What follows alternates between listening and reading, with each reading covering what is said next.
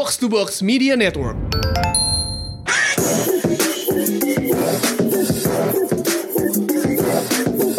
The most valuable basketball podcast in Indonesia, Box Out, is back. Seperti biasa dipandu gua Raditya Alif. Uh, sorry banget udah lumayan lama nggak update. Uh, terus terang kemarin itu gua liburan uh, ke Aussie. Sempet juga ya nonton basket. Uh, Amerika kalah pertama kali ya dalam 13 tahun walaupun cuma eksibisi lawan Australia. Dan kemudian ketika gua balik ke sini ada kerjaan, jadi baru bisa di weekend rekaman dan kalau weekend udah pasti yang nemenin gua di sini Tufel, what up? What up, what up, what up? What's up, man?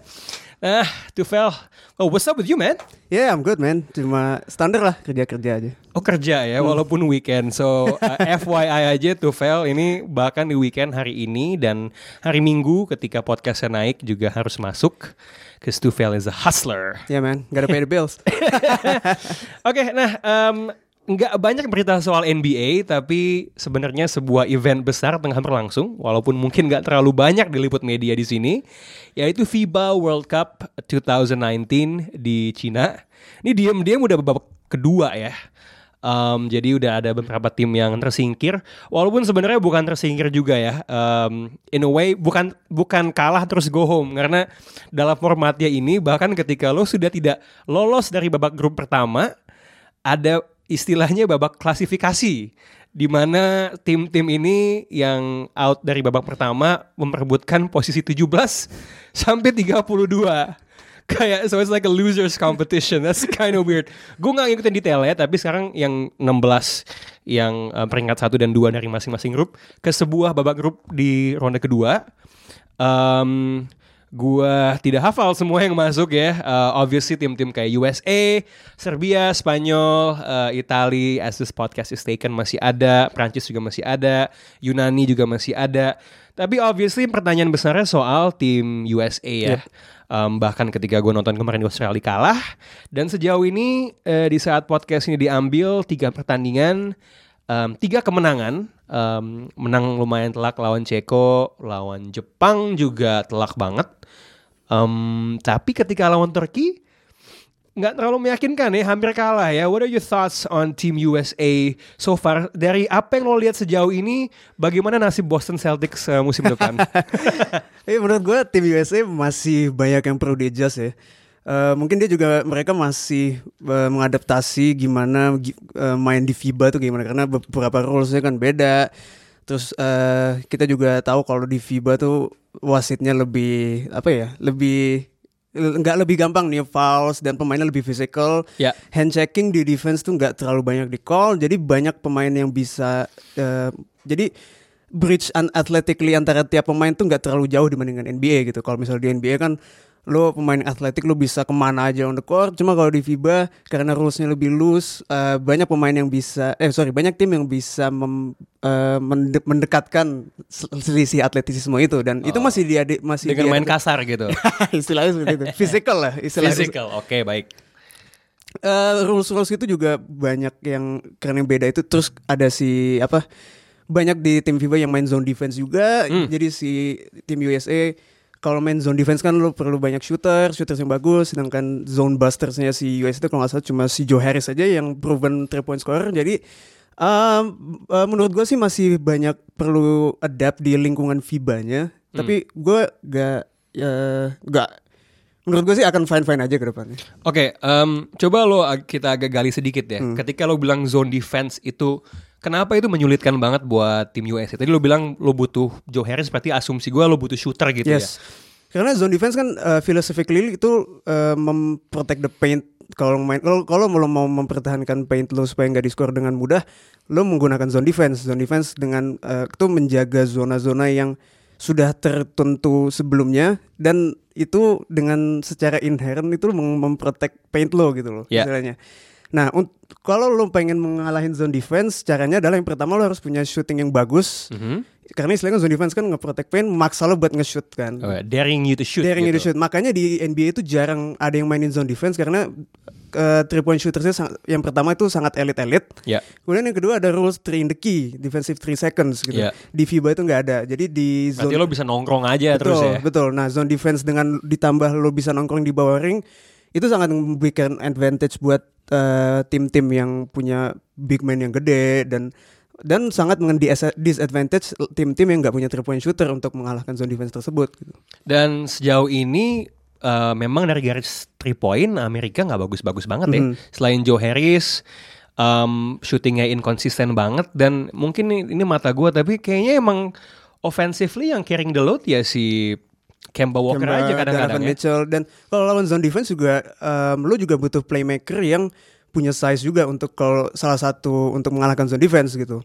Karena kalau di lo main zone defense lo nggak bisa run set plays lo yang sudah lo uh, desain untuk man to man kayak misalnya roll man, high screen itu nggak bisa seefektif kalau lawan man to man. Jadi lo harus banyak quick passing, harus banyak passing ke paint ke tengah dan itu membutuhkan pemain-pemain yang punya visi yang bagus, punya passing yang bagus dan tim USA kalau gue lihat di front courtnya nggak terlalu versatil dalam masalah playmaking gitu. Kalau kita lihat Harrison Barnes, Harrison Barnes bukan playmaker, Chris Middleton tuh yang paling itu playmaker yang paling paling aver- paling oke lah. Itu juga paling average aja se- seorang se- sebagai playmaker. Itu kalau lihat big man-nya Miles Turner dia bukan playmaker, Miles Plumlee dia punya playmaking dikit cuma dia belum dapat minutes Oh, selama ini. Mason Plumlee. Eh sorry, Yeah. Mason Plumlee ya. Lo kebalik tuh Plumlee-nya tuh. Iya, iya. Plumlee bersaudara ya.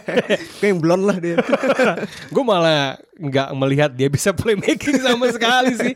Ya Brook Lopez juga ya three point three point aja Three point kan. aja paling stretch five aja dia. Yes, um, ya memang kalau kita lihat rosternya ini sebenarnya bukan permasalahan kualitas aja, Hmm. tapi kayaknya gue tadi denger di uh, Ringer podcast, Ringer apa Free Agents ya, secara skill set nggak sediverse itu juga Yep, gitu loh yep. ya, agak-agak limited ya. Um, ketika lo ngelihat pertandingan mereka lawan Turki, apa sih hal yang dieksploitasi banget sama uh, tim-tim lawan ini? Ketika ketemu US ya? Eh, menurut gue sih eh, di tim USA kalau gue lihat juga kreator mereka tuh nggak terlalu apa ya nggak bisa mengimpose eh, bagaimana style of play dia gitu contohnya Ya. Kemba Walker dan si siapa si Donovan Mitchell, Mitchell, ya. Kemba Walker apalagi Kemba Walker ini kan walaupun dia playmaker yang bagus tapi di defense dia eh, Weak, s- ya. weak sedikit undersize jadi banyak sering ada post up yang di- dilakukan ke, ke lawan Kemba Walker. Kemudian di kalau menurut gue di big man juga nggak terlalu bagus di- Yes. di, tim USA itu. Em, jadi menurut gue nah ini gue yang satu yang gue notice di FIBA World Cup adalah permainan big man itu lebih prominent ya di sini kalau gue Hmm. lihat jadi banyak traditional big man yang jauh lebih sukses di sini dibandingkan kalau di compare sama NBA gitu Hmm, ya, ya itu menarik ya perbedaan antara style of play Hmm. tadi. Nah, ketika kita rekaman nih, sebentar lagi US mau ketemu Yunani. Nah, ini kan situasi yang unik ya. Eh, banyak pengamat yang bilang perbedaan terbesar nih mungkin secara pemain collectively paling bagus nih US. Yep. But the best player on the court di dalam Piala Dunia kali ini belum tentu dari US. Nah, ketika ketemu Yunani, jelas MVP NBA ada di tim lawan. Nah, ini akan naik setelah pertandingan ini selesai sih. Tapi kalau lu jadi uh, Greg Popovich, how would you deal with Giannis? gue akan merespek Giannis sangat merespek Giannis kemampuan dia mendrive ke ring jadi gue akan nge-protect my paint gitu. Gue akan bener-bener gue tumpuk pemain gue di paint supaya dia nggak bisa ngedrive. Hmm. gue akan taruh satu minimal satu dua orang setiap kali dia mau ngedrive supaya dia bisa kick out ke shootersnya. Salah satu pe- eh, kekuatan Giannis di Milwaukee betapa unstoppable-nya di Milwaukee adalah gimana dia bisa drive at will dan juga dia bisa kick out ke shooters yang elit gitu. Banyak di situ kayak Malcolm Brogdon, Chris Middleton. Cuma di Yunani gue nggak melihat itu. Jadi gue kalau gue jadi Greg Popovich kalau lo mau ngalahin gue gue nggak mau Giannis yang lakukannya gitu gue akan Hmm. memaksa role players di Greece itu di Yunani untuk ngalahin gue dari shooting Dan yang sebaliknya, kalau kita lihat sejauh ini ya, I mean Giannis is Giannis ya. Tiap kali dia penetrasi, kayaknya mukanya tuh begitu habis ngedunk tuh, mukanya tuh kayak Hulk tau gak lo? Iya. Like he looks like he wants to kill someone, kayak he's so intense. Cuman pada kenyataannya kalau kita lihat Yunani bermain, to be honest, buat gua agak di bawah ekspektasi gua sih. Mhm. Dan usage Giannis tuh nggak seprominent itu ya. Yes yes, rada, rada aneh sih. Gue kalau ngeliat si Giannis di Yunani, Ini Yunani sebenarnya lebih eh, tim timnas basket itu rada tradisionalis gitu loh. Jadi Hmm. em, dia menganggap basket tuh kayak masih tradisional. Jadi yang bawa bola tuh point guard. Iya. Terus karena si pemain paling tingginya di Yunani itu Giannis, Giannis main di lima, iya Iya. gitu. Jadi usage dia jadi roll man, jadi pick and roll. Di last game dia tuh kalau nggak salah dia jadi pick and roll partner Nick si Nick Calaitis yang dulu Yes. pernah sempat main di Memphis Grizzlies. Jadi walaupun ada sempat beberapa momen di pada saat di fast break dia menjadi Giannis yang kita tahu dan beberapa momen di babak pertama dia menjadi eh, player initiator cuma gak, gak dia nggak dipakai seperti itu setiap saat gitu jadi Yeah. gua akan expect itu akan dibuka pada pada saat lawan tim US ya kalau kalau Yunani emang serius mau menang gitu Hmm, yeah, it's uh, gonna be really interesting to see. Um, karena kemarin juga ketika la- kalah lawan Brazil, Yunani kan kalah lawan Iya. Brazil kan. Yang lucu adalah taktik si Brazil dia uh, masangin pemainnya dia gue lupa namanya siapa yang udah tua tuh. eh untuk b- basically ngekasarin Giannis Yes. kan gitu. Um, tapi kalaupun let's say Giannis nih megang uh, bola dikasih peran yang lebih aktif uh, ketika lawan USA, lo cukup pede gak sih dengan kemampuan front courtnya USA atau centernya nahan dia? eh gue nggak nggak terlalu pede sih gue cuma karena gua ngelihat eh, rotation big man-nya paling Miles Turner, Brook Lopez sama Lucu kali ya kalau lawan Brook Lopez ya. Iya benar-benar. Eh gue lebih eh, gimana ya? Intinya sih eh, gak cuma butuh satu big man kalau lo ngelawan Giannis. Ya. Siapa pun itu ya. Even Al Horford yang emang di so called siapa Giannis stopper, gue nggak yakin dia bisa stop one on one. Harus dua orang kalau menurut gue. Yeah, he's that good kalau menurut gue. Jadi eh, it's gonna take the whole team buat stop Giannis. Um, kalau the best big man untuk melawan Giannis di tim USA sekarang, gue akan bilang tetap Miles Turner gitu. Ya, karena paling mobile, Yes. uh, paling aktif, Yes, bisa bisa- switch juga. betul ya. betul yes. Um, ya dan sayangnya juga Yunani tidak punya shooter yang reliable ya Yep. sehingga um, I mean that's the thing ya Giannis ini kan tipikal pemain yang kalau dia berkembang uh, and especially if he has a jump shot is gonna be kind of like a bigger version of LeBron gitu kan and how do you support pemain yang kayak gitu you provide him with uh, shooters, Shooters. gitu walaupun pastinya gue rasa come on lah tim USA Coach Pop scoutnya Jeff Van Gundy, Iya. Steve Kerr pastinya sudah mempertimbangkan berbagai macam skenario untuk bisa menangkal dia. Gue cuman ngebayangin ya, what if Giannis itu main di Serbia? Mhm. I mean, kalau buat gue tim yang paling impresif dan menurut gue buat banyak orang ya sejauh ini Piala Dunia dari sampel size 3 atau mungkin 4 pertandingan gue nggak tahu dia main lagi kapan adalah uh, Serbia. Uh, Serbia. What is your take on them so far, bro? Serbia impresif banget ya di World Cup ini di semua kemenangannya bantai semua kalau nggak salah selisih 40 30 poin Hmm. poin diferensialnya. Gilas Filip Filipina ya. Yes. Gilas dalam arti sesungguhnya di Gilas. well, kalau Serbia tentunya kekuatannya ada di bintang utama dia which is Nikola Jokic. The gitu. second best player in the The tournament. second best player di turnamen dan sudah menunjukkan kemampuan dia di NBA musim lalu gitu dan di FIBA ini kita, kita diingatkan lagi kalau Jokic ini jago banget man. Dia seorang big man yang bisa masih main bisa di paint, passing visionnya elite, playmaking bisa dan dia ditemanin sama Bogdan Bogdanovic Hmm. dari Sacramento Kings, pre- play- perimeter player yang bagus. Jadi Serbia ini eh, salah satu kekuatannya di FIBA ini dia tuh punya personil tim yang bisa memainkan beberapa banyak game plan gitu. Ya, Pertama size-nya bagus di front court, ada bagus banget. ada Jokic, ada Boban dan ada big man big man yang sangat bagus main di low post. Hmm. Eh, kemudian di perimeter juga ada si Bogdan Bogdanovic, terus ada si Nemanja Bjelica juga Yes. dari Kings juga. dari Kings juga. Itu membentuk satu tim yang kalau main low post, ayo bisa dihajar bisa-bisaan. Kalau main perimeter juga bisa gitu. Hmm. Jadi eh, Dengan bis- center yang bisa jadi point. ya. yes benar dan nggak takut menggunakan itu gitu. Beda Yes. dengan Yunani gitu ya. Jadi itu menurut gua Serbia ini bisa melaju jauh kalau menurut gua. Lo tau yang mengerikan apa sih? Gue ngecek jumlah minutesnya Jokic. Hmm. He's just been playing 20 minutes. Iya, Kalau nggak salah dia sempat off the bench tuh. Boban yang Lu, starting. lu sebelum Piala Dunia mulai ada pertandingan eksebisi. Eh. Uh, kayaknya sempat juga di mention di grup WhatsApp Box Out. Yunani lawan uh, Serbia. Hmm. Yunani kalah, Jokic nggak main itu. so they're that, that they're that stacked Yes. uh, in a way dan ya kayak yang lu bilang tadi ya uh, size-nya dan uh, flow-nya asisnya banyak banget Yes. ya. Um, Uh, assist turnover rasionya juga bagus tadi gua ngelihat dan itu menciptakan banyak open shot buat shooter-shooter tadi. Yes. Si siapa Bogdan? Uh, I saw his stats man. Statsnya gila ya. 60 60 persen Iya 60 persen ya. Iya Eh, di atas 50 lah kalau salah tuh. three point line dengan average 7 attempts a game. Video game numbers net itu. Video game numbers. Um, men- kalau nggak salah besok atau mungkin hari pas podcast naik gue lupa mereka akan ketemu Spanyol. Oh, I see. Menurut lo Iya. itu uh, who do you have winning that? Well, eh, itu rada tough sih. Karena gue ngelihat Spanyol tuh lebih kayak the steel powerhouse gitu loh. Dari Hmm. dulu sampai sekarang komposisi pemainnya juga continuity-nya ada. Hmm. Ada Ricky Rubio, ada Marc Gasol, ada Rudy Fernandez. Cuma dibanding sama Serbia, eh gua mah gua nggak tahu. Ah, gua masa akan tetap milih Spanyol. Kalau gue leaning ke Serbia sih. Uh, I get your point. Maksudnya pengalaman kan. Hmm. Tapi kalau kita mau ngomongin Oke pengalamannya Spanyol mungkin pemain-pemainnya lebih veteran. Yep. Tapi pemain-pemainnya Serbia juga nggak umur jagung juga sih. Hmm. Maksudnya udah main di, the- I mean Jokic was in the previous World Cup, walaupun belum jadi focal pointnya kan. Olimpiade juga Hmm. dia ada kan. Um, yang lucu mungkin emang duelnya Jokic lawan Gasol, Gasol, kali nah ya. itu. Karena Jokic kan is like sort of like a more advanced version Mhm, of Gasol kan Dan- dalam segi passing. Kalau menurut gue di di FIBA big man yang bisa ngestop si si Jokic possibly Gasol aja. Iya dari segi size bener. ya kan. Heeh. So it's gonna be really interesting untuk ngelihat uh, duel antara dua powerhouse ini. Gua leaning to Serbia, lo leaning to Spanyol. Uh, we'll see who's gonna win that.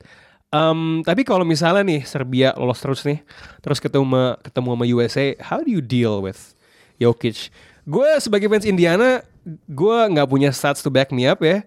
Berapa kali gue liat Miles Turner ketemu Jokic?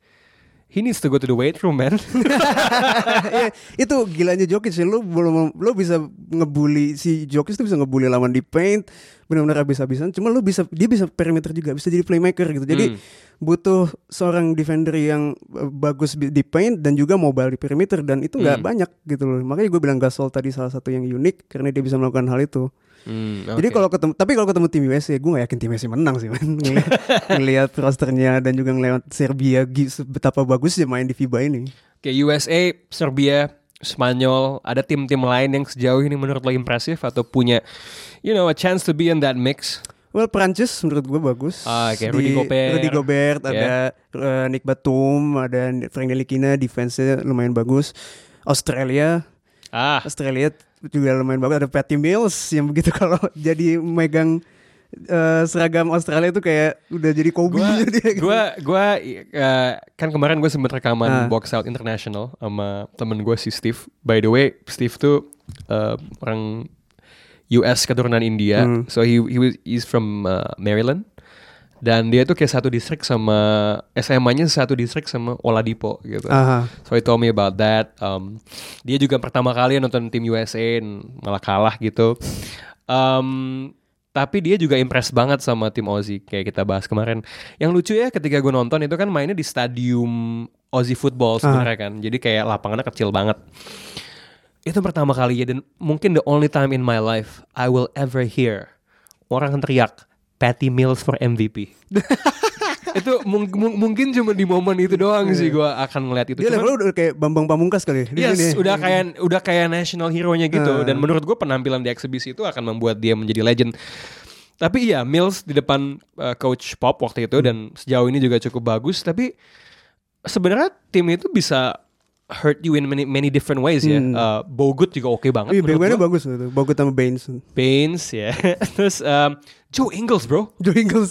Joe Ingles dia dan yang lucu kalau pas gue nonton dia main tuh dia tuh suka starting Daly, uh, Ingles sama Mills. Ya dia punya tiga ball handler. Malah walaupun mungkin Patty Mills is more of a traditional point guard, gue sih ngeliat biasanya di awal-awal yang lebih nge-handle bola tuh Joe Ingles sih. And again he has the size, he can shoot. Ya emang well suited buat game FIBA sih. Any other team? Atau Lithuania. Lithuania, Sabonis sama Sabonis sama satu lagi siapa? Valanciunas. Valenciunas. yes. Valanciunas ya. Gue penasaran kalau itu dia ketemu USA karena gue pengen lihat nih Sabonis lawan Miles Turner. siapakah yang lebih layak jadi center uh, Yes. buat Indiana? Itu tadi dari tadi kita ngomongin tim, kita ngomongin big man-nya, big man-nya. Padahal Iya. kalau di NBA, kalau ada big man yang tradisional dikit ya, wah ini orang nggak bisa main di playoff Iya, gitu kan. Dinosaurus. Iya, makanya. Tapi di sini dia bisa flourish. Jadi Iya. kita bisa ngeliat sisi lain sih. Ya itu sangat menarik ya. Em, di apa ya kancah yang lain dari Hmm. NBA itu bisa basket ini bisa sebeda itu Yes. gitu loh walaupun it's basically still the same game. Oke, switching topics dari FIBA ke NBA ini agak slow news ya. Salah satu berita yang mencuat perhatian gua adalah Dwight Howard Dwight Howard. redemption second chance ke LA. Um, lo lihat foto dia gak sih? Yang mana? Eh, foto dia pakai baju LA yang pertama yang yang dia training.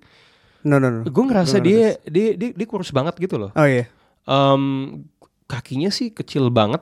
Um, gue nggak terlalu tahu what to expect sih. Menurut lo, is he gonna be a decent signing buat Lakers? Itu tergantung dia di expect jadi apa sih. Kalau dia expect jadi big man backup untuk uh, main sekitar 16 menit dan disuruh set screen, roll to the rim sama rebound sama block, menurut gue itu decent signing buat Lakers gitu. Useful gitu ya. Yes, untuk situational tertentu gitu dan ya kita juga bisa istilahnya low risk juga buat si yang mungkin kalau ngelihat chemistry issues yang dia bawa di tim-tim sebelumnya mungkin gak terlalu low risk cuma on court wise low risk juga sih kontraknya gak begitu gede lo ngebawa big man yang used to be the one of the premier big man in the NBA dan menggunakan dia untuk spot sekitar 15 menit itu akan Play some membantu defense, Yes. be a team player. Yes, itu akan membantu tim eh, seperti Lakers yang emang def punya def issue juga gitu. Dengan si DeMarcus cedera ya. Yes. Eh gua tuh kemarin denger di podcastnya Bill Simmons. Mhm.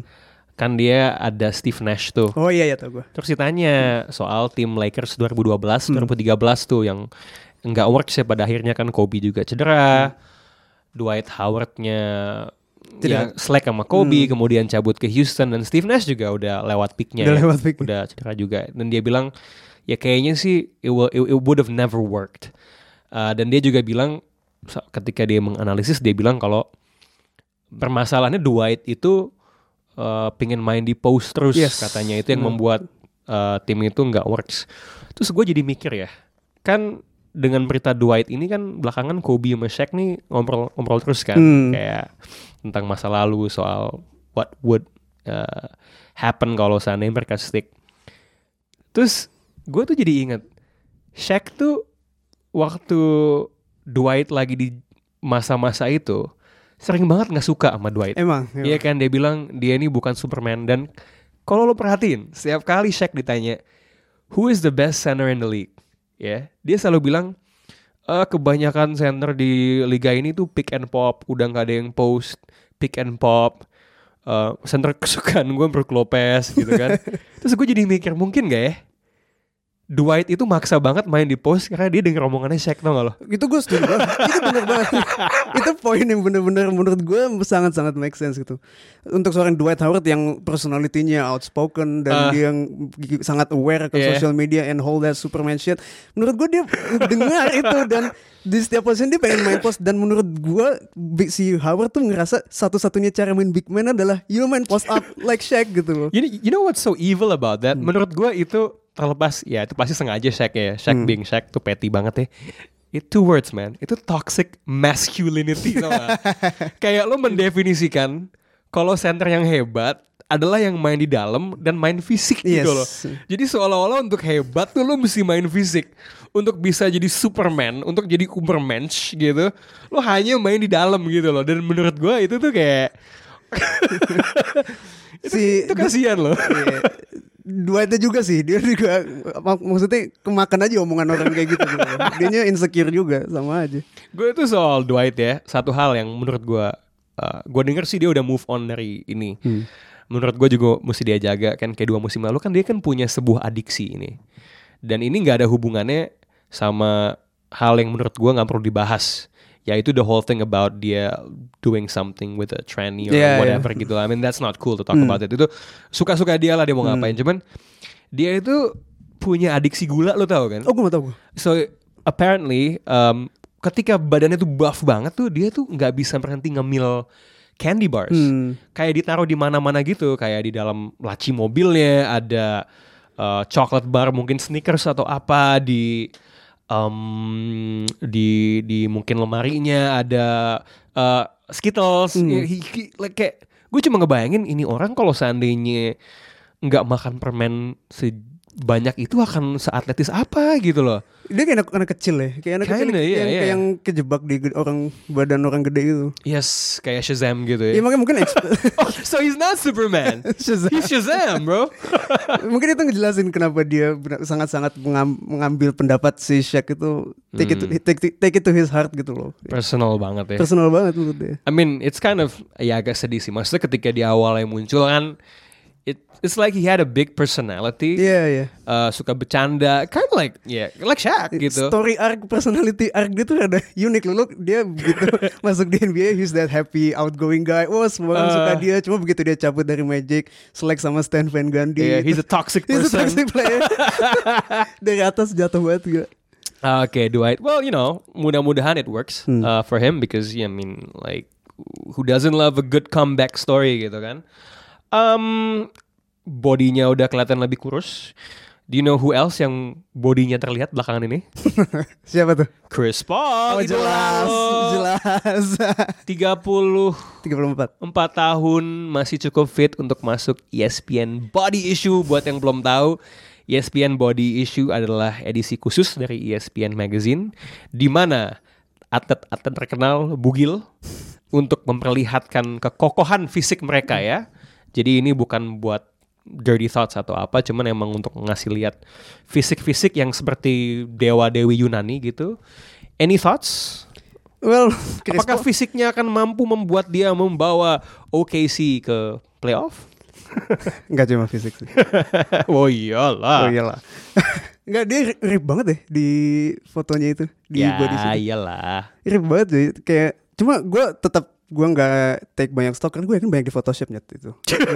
Banyak di DI ya. banyak dia banyak. Stretch. Nggak cuma dia. Selulit sedikit di dihilangin ya. Buncit-buncit gitu. Enggak gue cuma kaget kayak oh kok tiba-tiba Chris Paul gitu loh kayak kayak gue nggak melihat ada momentum ke sana gitu Hmm. kayak if it's like Kawhi kan fisiknya tuh aneh gitu kan tangannya panjang gitu gue kebayang Zion he, someone like Zion should be in a body Iya makanya issue gue kan. malah ngelihat Chris Paul tuh kayak bogel-bogel gitu kalau ngeliat Iya. di gamenya kan. Iya kecil, Iya bantet kayak gitu. eh, cuma begitu ngeliat itunya buset rip juga nih orang. Yo, is there anything uh, else about the NBA that's interesting to talk about? Lo tau ini kayak yang eh, video Devin Booker yang di double team? Double team sama siapa? Di- jadi dia gini, jadi settingannya lagi open gym nih, yang Aha. di kan biasa nih off season banyak yang open gym. Jadi di lapangan itu ada Devin Booker sama ada Joakim Noah juga di situ. Ya. Devin Booker lagi main, tiba-tiba karena lagi open gym dia di double team nih. Si Devin Booker ya, begitu double team dia kayak apa flustered gitu, akhirnya bolanya out of bounds. Terus dia si Devin Booker ngomong, Are we sure? Kita yakin nih gue di double team di open gym gini. gue lagi main gini doang, masa lu di double team terus kata Joakim Noah, yeah we are. Yes, we're double, te- double teaming you gitu loh. It's part of the game kata dia. Akhirnya banyak spark debate dan akhirnya banyak talk show dia ngomongin oh ternyata Devin Booker is not built like the old old not, built like the old days. Terus muncullah cerita-cerita dulu tuh Kobe zaman practice justru demand double team gitu. Justru dia feel disrespected kalau nggak di double team. Even Gilbert Arenas juga bilang kayak gitu. Menurut gue lumayan lucu aja sih buat the office. Iya. Exaggerasinya lucu lah. Maksudnya ya it could have been out of context. I mean pastinya akan ada latihan di mana dia double team. Mungkin dia keselnya adalah karena dia tahu itu adalah latihan yang didokumentasikan, Iya kan? Jadi bisa ada rekaman kejadian itu yang kemudian menimbulkan semua mispersepsi yang lo bilang tadi gitu. Yes. Dan ya ibarat Misterio di film Spider-Man Far From Home. Workout video itu kan perkara special effect kan sebenarnya kan. Kita lihat Carmelo Anthony jumper-jumper di muka Julius Randle itu itu itu seharusnya bisa dapat Oscar for best visual effect. Yes. gitu. Nah, cuman maksudnya memang ketika itu keluar di di musim off season itu meningkatkan persepsi lah nilai jual pemain. Maybe that was what Devin Booker was uh, more concerned about, not the double team itself, but the double take on his abilities nice. as a player. You saw what I just did, right? so enggak ya, gue gua agak simpatik lah dan ya jadi jadi bahan buat pemain-pemain lama untuk ya seperti biasa kan kayak posturing lah, Hmm. kayak apa post power syndrome sedikit Yes. lah pamer gitu kan, and it feeds to ya misalnya Kobe kan, Kobe's been talking about kemarin kayak gue lihat dia di satu seminar sama that guy yang suka this entrepreneur yang suka cerita soal you quotes quotes motivasional soal latihan kerja. It just feeds onto their brand gitu by saying that this is weak in our stuff gitu loh. So uh, yeah I can see di mana keselnya Devin Booker itu dari mana Speaking of perkembangan di podcast ini sendiri, uh, kemarin ada berita yang uh, kita dapat rejeki nih. Uh, terima kasih the good guys from NBA 2K um, ngasih kita kado gamenya. Uh, akan ya, udah dikasih ke Paul. Uh, Paul bakal memainkannya dan kita akan mengulasnya. Paul bahkan sampai bikin video unboxing loh, Hmm. box out unboxing uh, di di IG-nya, so go check it out. Kalau masih ada, mudah-mudahan di save kayak di story deh dia bikin. Um, Vel, gue honestly speaking gue gak pernah main gamenya. Yes. Ya, bapak gue lumayan strict soal video game. Oh, jadi gue iya. gue tidak pernah bertumbuh dengan konsol. Konsol gitu. game lu nggak ini? Nggak main gue, gue gak punya konsol. Kismin juga, eh, kalau Kismin buat beli.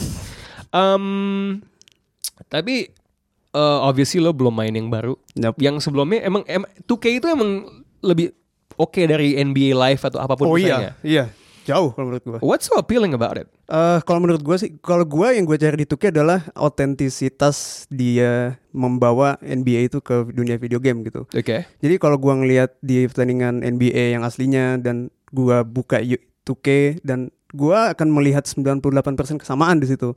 Dalam hal, dalam hal visual, dalam hal bagaimana cara bermain, dalam hal gameplay. Contohnya gua ngelihat Steph Curry di asli dia bisa apa nembak tiga di mana aja, di 2K pun bisa seperti itu. Terus eh, James Harden juga bisa step back dan core gameplay yang ada di 2K itu kalau menurut gue juga eh, fundamentalnya ada bagus untuk memainkan basket yang enak gitu. Jadi kalau gue sih gue sangat suka dengan 2K itu sisi itunya. Oke, so art imitates life in this case. The Mm-hmm. video game imitates the actual NBA gitu ya. Eh, realismenya eh, oke. Um, what else? Jadi gameplaynya mirip, grafiknya Gameplaynya mirip, mirip. sama ada fitur online-nya. Kalau sekarang sih justru main ininya ya, main draw-nya itu justru online play-nya.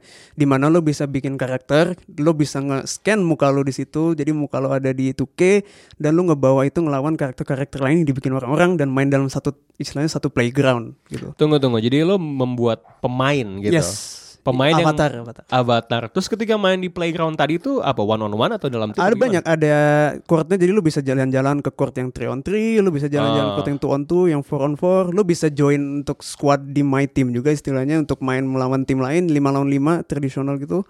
Dan ini juga sekarang e-sport kan juga lagi naik tuh. Si Hmm. itu juga 2K kan lagi dimainkan ada liga khusus NBA officialnya Iya. juga malah. Ya, NBA yang bikin ya. Yes, itu NBA yang bikin. Jadi um, itu jadi si online play itu sangat menarik buat orang-orang dimainkan dan lo kalau emang lagi apa ya, emang lagi bosen, emang lo pengen main game dan lo pengen bikin karakter lo sendiri Ya. dan lo pengen imitate ah gue pengen bikin gua tapi gaya mainnya kayak si Chris Paul gitu atau gue Hmm. pengen bikin gua gaya Giannis itu bisa men. Oh itu bisa di di customization Yes, lo bisa tinggi seven foot, lo bisa bisa shoot three point, lo bisa Hmm. handle kayak Kyrie itu So enak. tell me the the NBA 2K version of you lo bikin kayak apa men? Gue pasti pas first point guard man. Gue Oke. kayak six point six six foot four.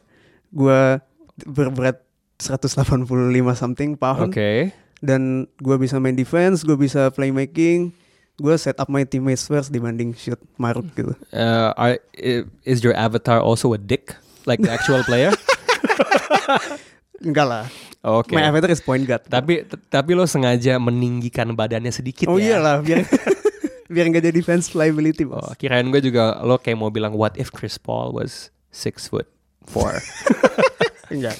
ya, well anyway, thank you buat sedikit uh, teasernya karena gue lumayan blank soal gamenya, so I'll Hmm. have to use that information. Uh, next kapan nih kita rekaman itu mungkin mungkin Jumat apa Sabtu minggu depan kali yes. naik.